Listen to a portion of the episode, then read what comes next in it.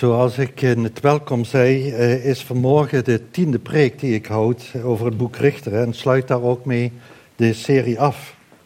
Ik zal zo dadelijk met jullie een hoofdstuk lezen uit Richter 17.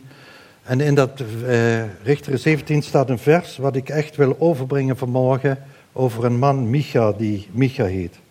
Dat is namelijk Richter 17, vers 13 waarin die gedachte van Micha wordt beschreven. En daar staat, Micha dacht bij zichzelf, nu ik een leviet als priester in dienst heb, ben ik ervan verzekerd dat ik van de Heer niets dan goeds te verwachten heb.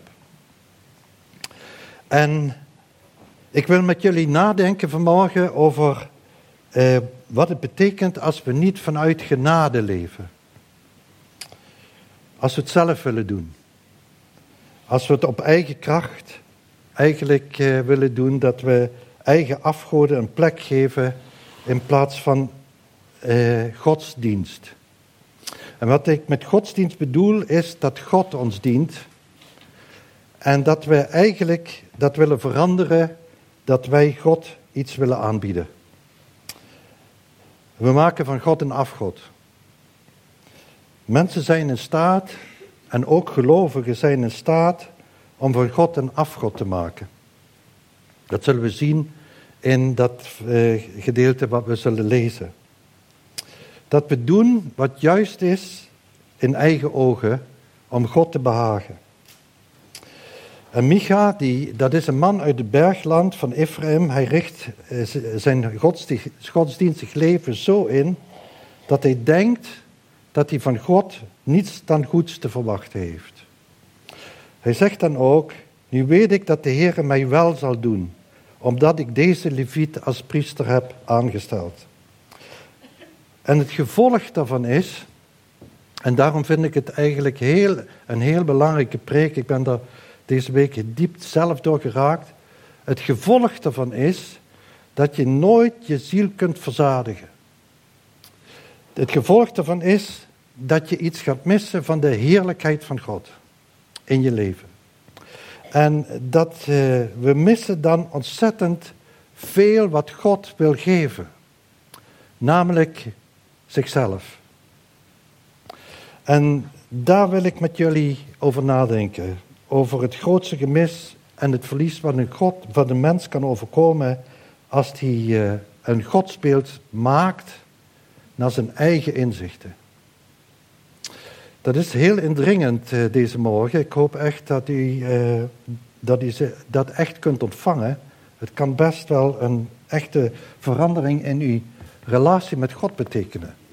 En ik wil met u lezen, Richter 17, als u een Bijbel bij u heeft, dan wil ik u vragen om die, uh, om die op te slaan bij Richter 17. En dan lees ik met u Richter 17, vers 1 tot en met 13. Bedenk als we dit lezen, dat als je Micha zou vragen, waarom doe je dat? Dan zegt hij, om de Heere God, de God van Israël, Yahweh, te dienen en te aanbidden. Er was een man uit het bergland van Ephraim die Micha heette. Deze zei tegen zijn moeder, de 1100 zilverstukken die u, die u ontnomen zijn, en waarover u een vervloeking hebt geuit, en die ook, die ook, die, en die ook ten aanhoren van mij hebt uitgesproken, zie, dat geld is bij mij. Ik had het weggenomen. Daarop zei zijn moeder, gezegend zij mijn zoon door de Heere. Zo, zo gaf hij de 1100 zilverstukken aan zijn moeder terug. Maar zijn moeder zei, ik heb dat geld geheel aan de Heer geheiligd en het uit handen gegeven aan mijn zoon, om een gesneden en gegoten beeld te maken, dus geef ik het nu aan jou terug. Hij gaf het geld echter aan zijn moeder terug. En zijn moeder nam 200 zilverstukken en gaf ze aan de edelsmid, en daar, die daarvan een gesneden en gegoten beeld maakte. En het stond in het huis van Micha. En de man Micha had een godshuis. Ook maakte hij een efot en een afgodsbeeldjes en wijde een van zijn zonen om voor hem tot priester te zijn. In die dagen was er geen koning in Israël. En ieder deed wat juist was in zijn ogen. Nu was er een jonge man in Bethlehem, Bethlehem hem in Juda uit het geslacht van Juda. Hij was een leviet en verbleef daar als vreemdeling. Toen ging deze man uit de stad, uit die stad, uit Bethlehem in Juda, weg om daar te verblijven waar hij onderdak zou vinden. En toen hij tijdens zijn tocht in het bergland van Ephraim kwam, tot bij het huis van Micha, zei Micha tegen hem, waar komt u vandaan? En hij zei tegen hem, ik ben een leviet uit Bethlehem in Juda. En ik ben op weg om daar te verblijven waar ik onderdak zal vinden. Daarop zei Micha tegen hem, blijf bij mij en wees voor mij tot een vader en tot priester. Ik zal u elk jaar tien zilverstukken geven, een stel kleren en wat nodig is voor uw levensonderhoud. En de leviet ging met hem mee. De leviet stemde erin toe bij die man te, te blijven. En de jonge man was als een, als van zijn zonen voor hem. En Micha wijde de leviet en de jonge man, en de jonge man werd voor hem tot priester. Zo was hij in het huis van Micha. Toen zei Micha, nu weet ik dat de Heere mij wel zal doen. Omdat ik deze priester, deze leviet als priester heb. Vader, we willen u zo ontzettend bidden dat als we dit uh, gedeelte uit Richteren gaan overdenken, dat hij echt tot ons hart wil spreken. Ik bid zo dat we niet buiten onszelf liggen, leggen, maar ook niet dat we voor andere mensen luisteren, voor andere broeders en zusters, maar dat we echt ons eigen hart echt toetsen. Ik bid u zo om te spreken door de woorden die ik op papier heb staan, de zinnen die zinnen vormen. En ik bid zo dat u daar leven in blaast, dat ik met passie mag spreken en dat we met passie mogen luisteren, zodat die Heilige Geest ons van binnen kan veranderen naar het beeld van uw Zoon Jezus Christus. Dat is mijn uh, verlangen, Heer, dat is mijn gebed. En ik vraag u om uh, ter ere en verheerlijking van uw naam, dat we echt zo onderwezen mogen worden. Dat we mogen buigen voor, de, ja, voor u, Heere daar Heer. Amen. Voordat ik met u naar deze geschiedenis kijk en verder zal uitwerken, wil ik eerst even nog eens terugkijken over de context van dit boek. We hebben dat tien weken, toen ik eraan begon, wist ik niet dat er tien preken uit voort zouden komen. Maar ik eh, wil met u terugkijken even, zodat we de les die in dit boek staat en ook eigenlijk hierin steeds weer opnieuw terugkomt, ook in deze geschiedenis, dat we die niet vergeten en dat we dat toepassen in ons leven. Zoals ik eh, regelmatig heb gezegd, is het zo dat het boek Richteren heel veel overeenkomsten heeft met onze tijd. Onze tijd ook op het christelijk erf. Het kan getypeerd worden zoals het boek Richteren het samenvat, dat in ieder doet, eh, dat is het laatste vers, daar sluit het boek mee af. Daar staat, in ieder deed wat juist was in zijn eigen ogen. En je ziet in Israël, hij heeft het beloofde land ingenomen, maar ze woonden te midden van de afgoderij. Er was een mengelmoes van afgoden in, uh, in, in die tijd. En het volk stond dagelijks voor de keuze, zoals wij dagelijks voor de keuze staan om God als een Heer te zien uh, of de tijdgeest te volgen. En het boek, dat hele boek Richteren, dat laat ons zien de genade en het geduld van God. De trouw en zijn bemachtigheid Mensen die het totaal verprutsen, dat hebben we gezien in het leven van Gideon, zeker in het leven van Simpson, die totaal verprutsen en eigenlijk waarvan we zouden zeggen, ze verspillen hun leven in onze ogen, komt God deze mensen tegemoet. Hij zoekt hen op om te genezen, te herstellen, om die diepe gemeenschap met, eh, dat ze in die diepe gemeenschap leven met een schepper. En het boek dat wil ons eigenlijk de volgende waarheden, ik heb het in drie punten eigenlijk samengevat. Uh, kort, drie waarheden staan erin. Het eerste is namelijk dat God biedt ons onophoudelijk, dat heb ik geloof ik ook op ziet staan, God biedt ons onophoudelijk genade aan. Genade is iets wat je niet verdient, waar een mens ook niet naar op zoek is. En het allerergste, en dat zie je ook in Richter en ook in deze tijd, dat na onze redding we daar ook niet dankbaar voor zijn. En dit boek dat gaat onophoudelijk over de overvloed van genade van God voor de grootste zondaars. Maar steeds weer zie je de gevolgen, laat, laat hij ook de gevolgen zien als we deze genade verlaten. En op ons eigen werk, ons eigen inzicht, onze eigen kracht vertrouwen. Dat we onze eigen godsdienst en onze eigen God met kleine g maken. Het tweede is dat God wil Heer zijn op alle terreinen van je leven.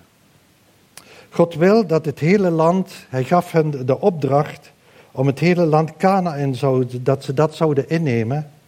Maar in plaats daarvan de, zuiverde slechts enkele gebieden. En dat betekende dat ze daaraan winnen te midden van de afgoden te leven. Ze verwierpen God niet echt helemaal, maar ze aanvaarden hem ook niet helemaal. En met dit halfslachtige geloof verspilden ze de genade en werden ze slaaf van hun eigen afgoden, kracht en inzicht. En weet je, als je die dingen, ik zal ze dadelijk het derde noemen, maar als je deze twee dingen eigenlijk al bekijkt, dan zie je heel veel parallellen met de tijd waarin we leven. En dan heb ik het dus niet, het boek Richteren is niet geschreven voor de mensen en de stammen en de volkeren die in Canaan woonden. Dit boek gaat over Gods volk. Dus je moet ook niet naar deze preken luisteren alsof ik het heb over ongelovige mensen. Ik heb het tegen gelovigen, ook hier in de zaal. En het derde namelijk is dat er een enorme spanning in dit boek zit. Die spanning tussen genade en wet. Tussen het voorwaardelijk en onvoorwaardelijk. Dat God belooft dat hij zich verplicht heeft en trouw blijft aan zijn volk. En aan de andere kant vraagt God gehoorzaamheid omdat hij heilig is. En daar zit een enorme spanning in. Daar heb ik ook mee gestreden. Die tien uh, preken die ik heb gehad, dat, dat is eigenlijk de vragen die ik me zo stelde. Van aan de ene kant vraagt God gehoorzaamheid, aan de andere kant die spanning dat er alles genade is. En betekent dat dan als je ongehoorzaamheid hebt, dat er dan de genade verspeeld wordt? Of betekent dat als je uit genade leven, dat we alles kunnen doen en laten wat we willen? Zal de, de belofte doorslag geven of meer dan, is die belofte meer dan de, de geboden? En de gevolgen daarvan worden in dit boek belicht. En ik heb geen antwoord gevonden. Wat nu eigenlijk het meest doorslaggevend is. De spanning en die voorwaardelijk, tussen voorwaardelijk en onvoorwaardelijk, tussen de genade en gehoorzaamheid aan de geboden, die blijven in dit boek naast elkaar staan. Het is niet tegenover elkaar, maar het is naast elkaar. En het is niet of-of, maar het is en-en. En van daaruit weer terug naar de geschiedenis. Ik hoop dat u dit echt, als je die ziet, stuur ik ze heel graag toe. Weet je, ik ben me zo vaak eh, bewust dat het vaak zo vluchtig is allemaal. Je spreekt het uit en we gaan dadelijk naar de koffie. En het is natuurlijk zo dat de Heere God het plant in onze harten. Maar ik denk zelf dat ik in die tien preken heb ik ontzettend veel mogen eh, ervaren van de genade van God. En ook vanmorgen weer, als ik zo met u nadenk over Micha. Die diepe genade. En dat het echt diep mag doordringen. Ook deze drie dingen die ik nu zo eventjes samenvat over dit boek. Eigenlijk is het al genoeg als we daarover nadenken. Maar nu naar de geschiedenis van Micha.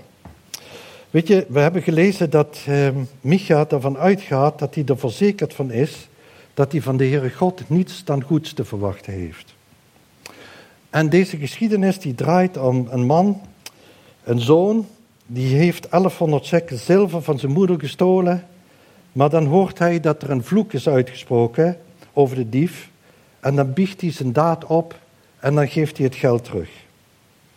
En eigenlijk, als je het eh, leven van Micha in die twee hoofdstukken leest, hoofdstuk 17 en, vers, eh, en 18, die gaan over hem, dan is eigenlijk, kun je niet zeggen dat hij helemaal slecht is. En hij is ook niet helemaal goed. Niet helemaal een slecht mens en heel, ook niet helemaal een goed mens. Want was hij goed geweest, dan had hij zeker niet van zijn moeder het geld gestolen. En was hij zo slecht geweest, dan had hij het ook niet teruggegeven. Dus het lijkt er eigenlijk op dat hij het geld ook eigenlijk teruggeeft, doordat zijn moeder in het bijzijn van hem een vloek uitspreekt. Hij is eigenlijk een halfslachtig persoon. En halfslachtige personen zijn zonder inhoud. Weet je, die moeder herroept haar vloek. Zij is een vergevingsgezinde vrouw. Maar als je het goed bekijkt, dan is er nergens sprake van. Niet bij Micha en ook zijn moeder, die onderwijst hem daarin niet. Hij is trouwens al vader van berouw, vergeving en verzoening. Micha wordt helemaal niet uitgedaagd om zijn eigen hart te onderzoeken. En eh, waarom dat hij dat geld gestolen heeft en wat dat betekent. Hij leert gewoon niet nederig onder ogen te zien dat hij genade nodig heeft eh, om te veranderen en eh, wat de wortel is van zijn zonde en dat dat grote gevolgen heeft. Nergens vind je ook in die geschiedenis dat hij een vader heeft. Hij is wel getrouwd. Misschien is zijn vader overleden, weet ik niet, maar het vertelt niks over zijn vader. Hij heeft zonen en uh, de vrouw van Micha is ook niet zichtbaar in deze geschiedenis. Eigenlijk vind je dat er niemand invloed uitoefent in zijn leven. En dan zie je eigenlijk ook waarom Micha zo geworden is zoals hij is. En dan, zijn moeder doet beroep op God en ze zegent dat ze haar zoon zegent ze aanbidden de naam van God en niet een een of andere afgod. Dat moet hij echt goed begrijpen, dat de intentie van deze beide personen, van vader en moeder, van uh, moeder en zoon, dat ze echt de Heere God willen aanbidden en hem willen naderen. Daarom staat er ook midden in dat, uh, in dat hoofdstuk dat er geen koning was in Israël en dat iedereen deed wat juist is in zijn ogen. Ze dachten dat ze echt de Heere God naderde en dat ze hem aanbaden. En dan wijdt ze het geld aan de Heere terwijl, ter wille van haar zoon. Ze geeft 200 shekel eh, zilver aan een zilversmid die een houten beeld moet beslaan. En dat is zo ongelooflijk verbijsterend. Dat is zo verbijsterend. Waartoe een mens die gelooft in de Heere God toe in staat is om een beeld te maken. Want in dit, in, zowel in Exodus 20, vers 4 en 5 en Deuteronomium 4, vers 5, eh, 15 tot en met 18, daar staat dat God niemand een beeld van hem mag maken. Een beeld vormt een God. Waarom is dat? Waarom is dat gebod? Een beeld vormt een God zoals wij hem willen zien. Het is een beeld waarvoor ik wel wil buigen. Het maakt pijnlijk duidelijk het innerlijke van een mens die wil wel buigen voor een God die hij zelf gemaakt heeft, maar niet voor God. Voor Yahweh, de ik ben die ik ben. En het werkelijke probleem is dat we zelf een geestelijk beeld van God maken. We filtreren de zaken die ons hart niet van God kan accepteren, filtreren we weg. Je aanbidt een God die is een werk van eigen handen en die jou op grond daarvan accepteert. En dit kan ook zonder een beeld te maken. Weet je, je maakt een beeld hoe God jou kan accepteren en de God die jij wil aanvaarden. En dat betekent dat je zijn liefde gaat verdienen. Je gaat vergeving verdienen. Je gaat zegen verdienen. Je gaat genade verdienen. Je doet het zelf en daarom zegent God je. En soms hoor je in gesprekken dat ik kan niet in een God geloven die dit of dat doet. Ik kan alleen in een God geloven die rekening houdt met onze cultuur, onze gewoonten, onze normen en onze waarden. En dan zie je dat mensen tot een conclusie komen. Ik ben verzekerd dat ik van de Heer niets dan goeds te verwachten heb. Ik heb namelijk hem met eigen handen gemaakt.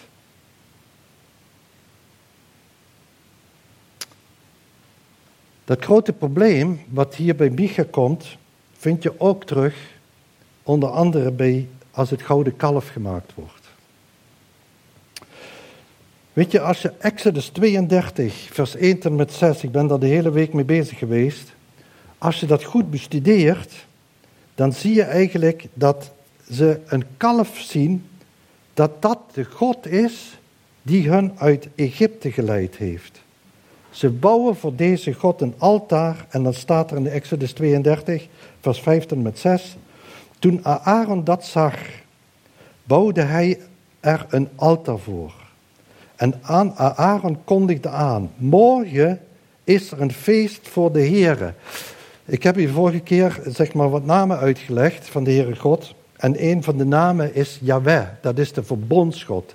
Deze naam wordt hier genoemd. We bouwen een altaar, we maken een feest voor het aangezicht van de Heere, van degene die is, de ik ben, onze verbondsgod. Ze stonden de volgende dag vroeg op, brachten brandoffers en brachten ook dankoffers. Het volk ging daarna zitten om te eten en te drinken.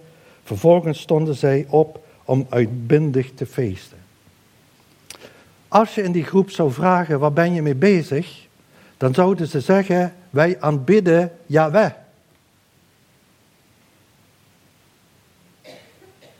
Daar zou niemand op de gedachte komen, we hebben een kalf gemaakt.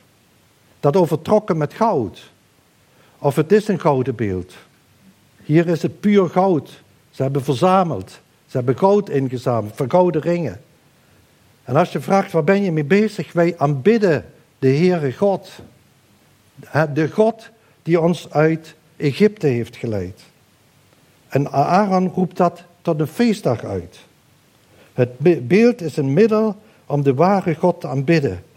Ze scharen zich rondom het altaar en houden maaltijd om de gemeenschap met God te zoeken. En weet u wat nu echt het diepe probleem is? Het diepe probleem is dat je niet, je krijgt geen echte persoonlijke relatie met de Heere God. Je kunt dat niet ontwikkelen. Want als je een relatie hebt met iemand die je tegenspreekt, dan kun je zelfs van streek raken. Maar door die worsteling is er een diepe relatie mogelijk. Maar als je een God maakt naar eigen inzicht en de kanten van zijn heiligheid, gerechtigheid en rechtvaardigheid weglaatvaardigheid, zondigheid, ongerechtigheid, en je doet dat weg door het te negeren, dan heb je een God die je niet tegenspreekt. Je hoeft er ook niet mee te worstelen. Je vereert, zoals hier, een plezierige, aardige, tamme God. En wat is dan het grootste gemis? Weet je, het grootste gemis is dan, en daarom vind ik deze preek ook zo ontzettend belangrijk. Het grote gemis is, je ziel wordt niet verzadigd.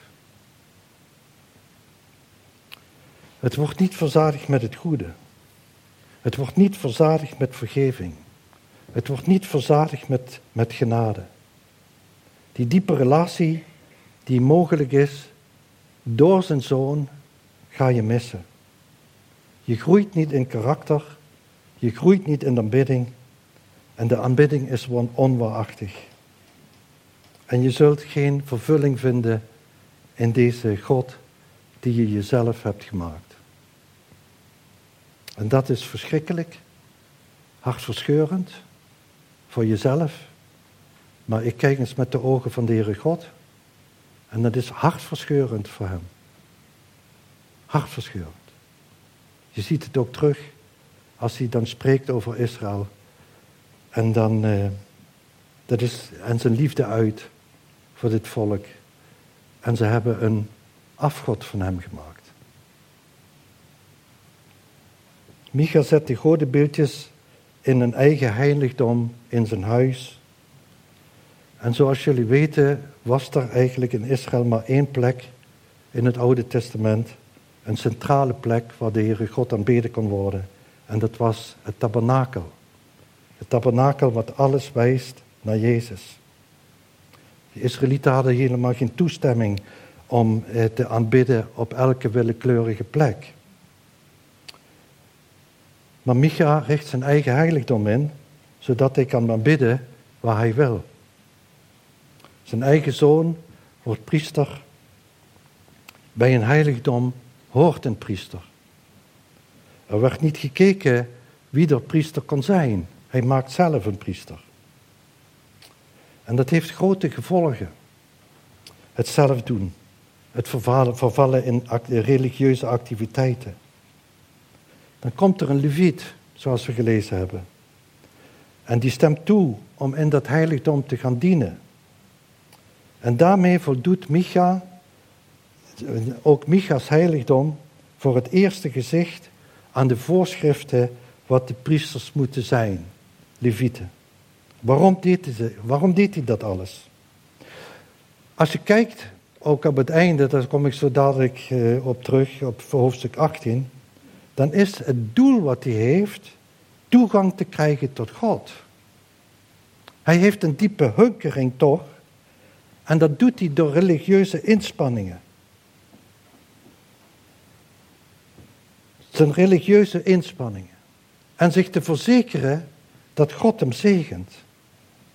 Maar als je gewoon kijkt, wil niemand zo'n kleine God dienen. Als je kijkt wat er eigenlijk verder met zijn leven gebeurt, dan zie je dat dat diep, zijn, zijn hele leven staat dadelijk op de kop. Omdat het hem wordt afgenomen. Nu, waarom heeft me dat zo geraakt? Waarom is deze uh, geschiedenis zo'n grote waarschuwing? Weet je, het is zo dat wij maken geen beeldjes meer. Maar een geestelijk werker of een gelovige, zoals Micha, en Micha betekent wie is gelijk aan de Heer, is regelmatig in een gevarenzone. Zeker als we hunkeren, hunkeren naar geestelijke zegen, naar geestelijk succes. En dan kunnen we van bidden en vasten met de verkeerde motieven, maken we een God. Dan is het zo dat godsdienstige zaken een God voor ons zijn dat een afgod maken van de juiste leerstellingen, van de pastorale prestaties, van je morele onberispelijkheid en het vertrouwen op je geestelijke gaven, talenten en bekwaamheden. Rietje en ik, we lezen regelmatig, of eigenlijk proberen we elke morgen te beginnen met een gedeelte uit een, een huwelijksdagboek. Ik lees elk jaar lees ik een dagboek over het huwelijk, omdat, of eh, elk jaar lees ik een boek over het huwelijk. En nu zijn we bezig met een dagboek. En deze, deze week, heel treffend, ging het over een passage dat je zelfs van je gezin, van je kinderen, ja zelfs van je huwelijk, een afgod kunt maken. En dat raakt me omdat je dus echt ziet van Heere God, die heeft het goede, heeft u gegeven. En dat is een heel groot gevaar voor het beste. Het beste is alleen Jezus Christus.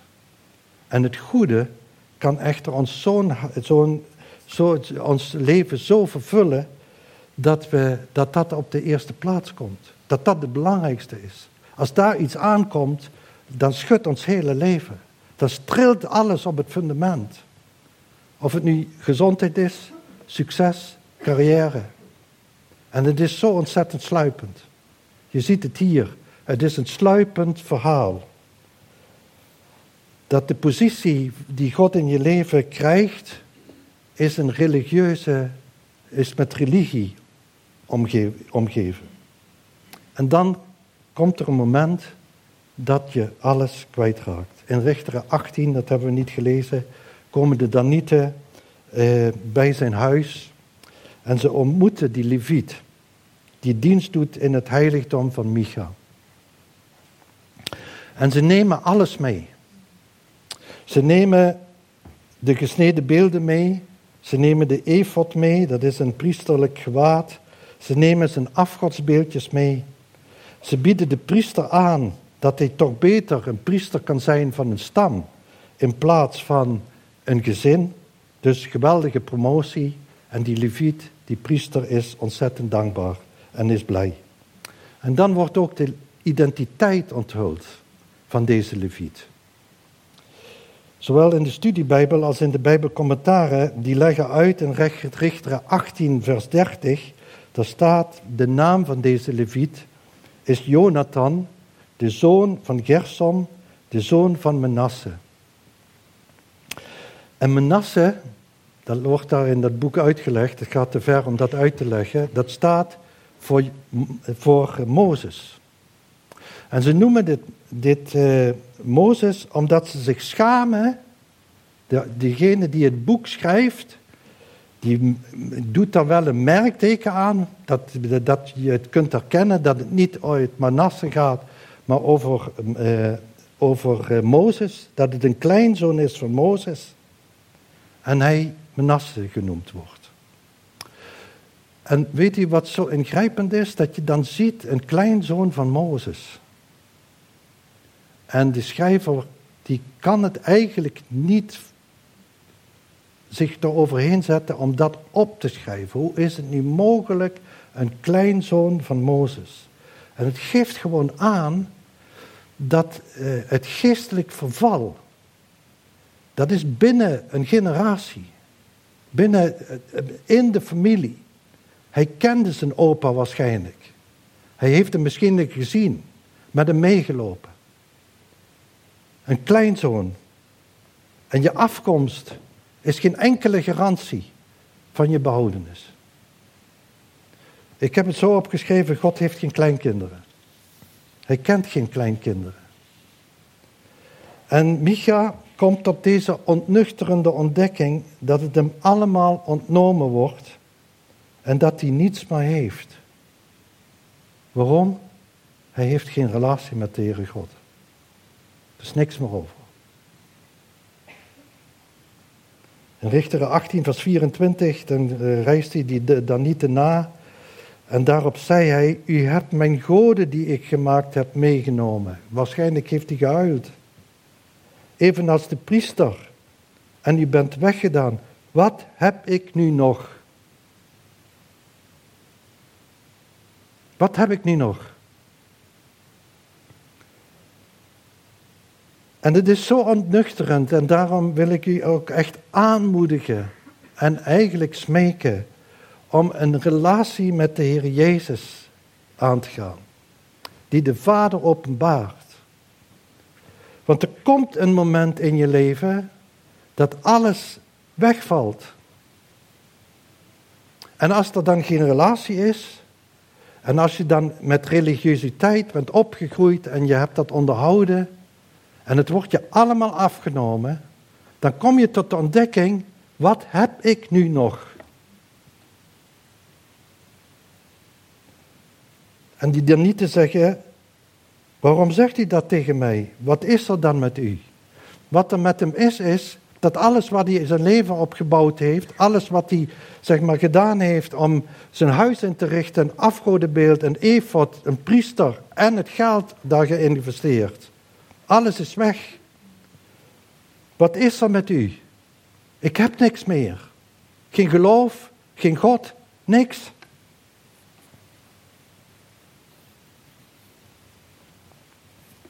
Genade kan je niet worden afgepakt. Dat hoef je niet te verdedigen. Daar hoef je niet bang voor te zijn om dat te verliezen. En het leven van ons moet om Jezus draaien. Hij is de weg om God te naderen. Hij openbaart ons de Vader. En als je leven niet draait om Jezus, dan is de basis zelfgemaakte religie. Om een afgod. Je draait om iets heen waar we zegen van verwachten.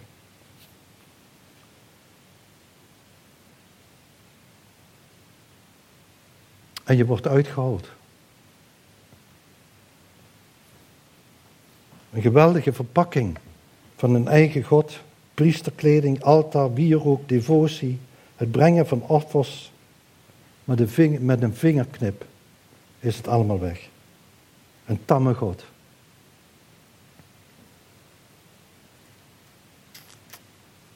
En het diepe besef is dat we Gods majesteit moeten herontdekken. Alleen door de ware God te vereren ontkom je aan dit lot. En ken je de zegen van in zijn huis te zijn. Om van de Heer Jezus te zijn. Die woorden van eeuwig leven heeft. Een leven van overvloed. En wat je in eeuwigheid niet meer kunt kwijtraken. Ik wil graag dat we een moment stilte hebben. Het muziekteam kan al naar het podium komen. Ik wil graag een moment van stilte hebben. Stilte, dat je in die stilte in je hart de Heere God gaat naderen. En dat je echt je afvraagt, Heere God, waarop is mijn beeld nu van u gebaseerd?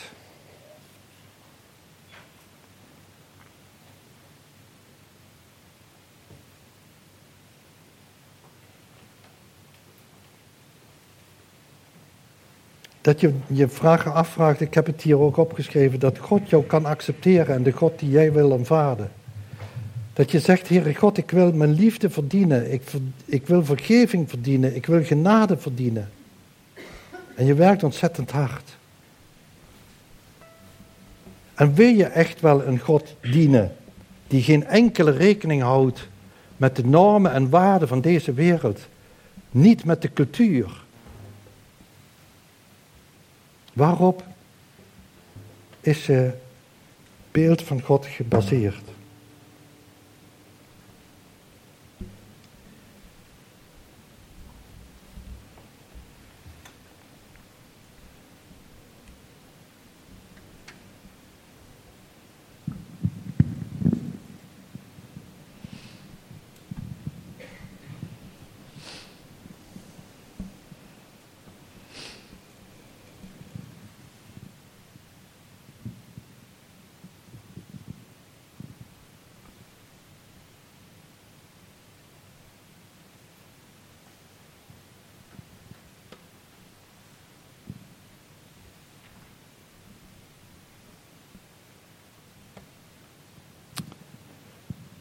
Vader, u bent God. U bent soeverein. U bent almachtig. U bent ondoorgrondelijk. U bent eeuwig. U bent oneindig. U bent onveranderlijk. U bent verheven. Alomtegenwoordig. Heilig. Trouw. En goed. Vergevend vol van bemachtigheid, vol van liefde, vol van genade.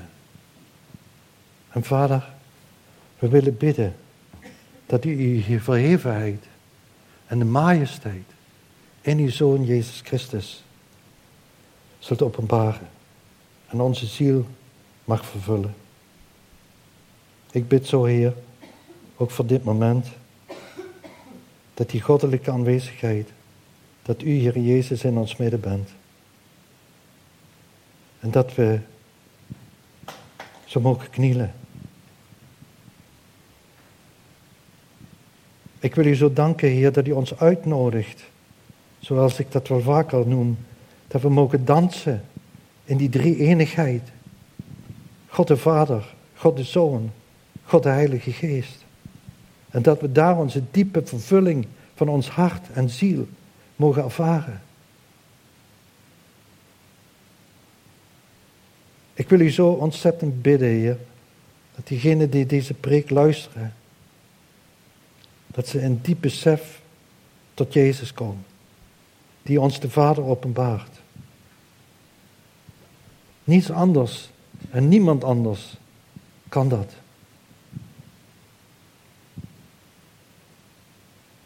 O Vader, wil je ons echt diep genadig zijn en bedouwt u deze zaal, ieder persoonlijk, zodat we tot die diepte komen in die relatie met u. Dat is ons gebed. Tot eer en heerlijkheid van u. In Jezus' naam. Amen.